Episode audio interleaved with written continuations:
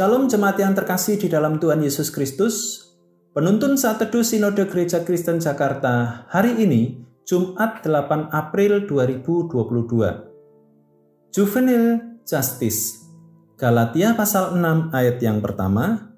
Saudara-saudara, kalaupun seorang kedapatan melakukan suatu pelanggaran, maka kamu yang rohani harus memimpin orang itu ke jalan yang benar dalam roh lemah lembut sambil menjaga dirimu sendiri supaya kamu juga jangan kena pencobaan.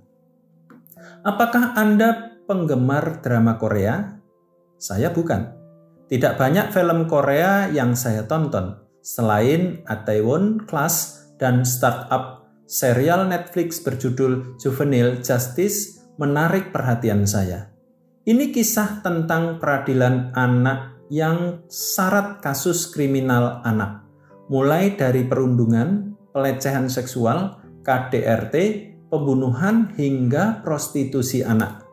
Hakim Sim Eun Seok adalah sosok hakim yang ketus, tampak tidak ramah kepada orang lain, apalagi terhadap pelaku kejahatan. Ia membenci pelaku kriminal anak dan tak segan memberikan hukuman maksimal kepada para terdakwa. Namun dalam setiap keputusan yang diambilnya, ia memastikan untuk memberikan hukuman yang setimpal atas kejahatan yang dilakukan.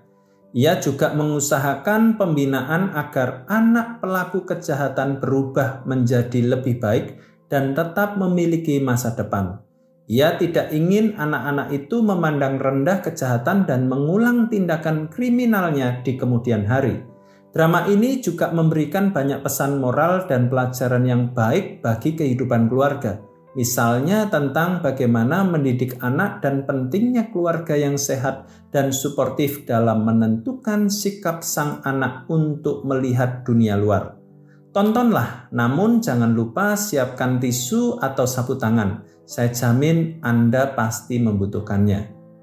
Rasul Paulus menasehati jemaat di Galatia bagaimana seharusnya mereka merespons terhadap jemaat lainnya yang melakukan pelanggaran atau perbuatan jahat.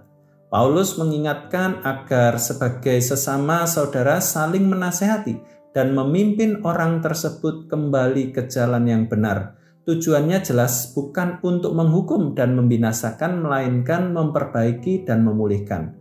Namun tujuan yang benar ini juga harus dilakukan dengan cara yang benar, yaitu dengan lemah lembut. Hal ini bukan berarti kompromi, melainkan tegas karena alasan yang tepat.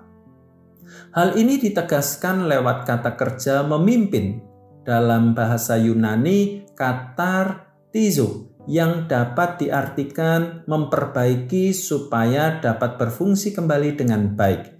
Jadi tindakan keadilan dalam relasi yang saling mengasihi antar sesama saudara mengandung tujuan mulia bukan sekadar menjatuhkan hukuman. Dalam relasi dengan orang lain, keluarga, pekerjaan, dan lingkungan sosial, sangat mungkin kita menemukan kesalahan dan kejahatan yang mengusik rasa keadilan. Bisa saja kita menjadi korban atau pelakunya. Marilah kita selalu mengingat akan kasih Allah yang telah mengampuni segala kesalahan kita dan memulihkan kembali relasi kita dengan dirinya. Hal itu menjadikan kita untuk dapat merespon dengan tepat serta menuntut pertanggungjawaban yang layak untuk setiap pelanggaran.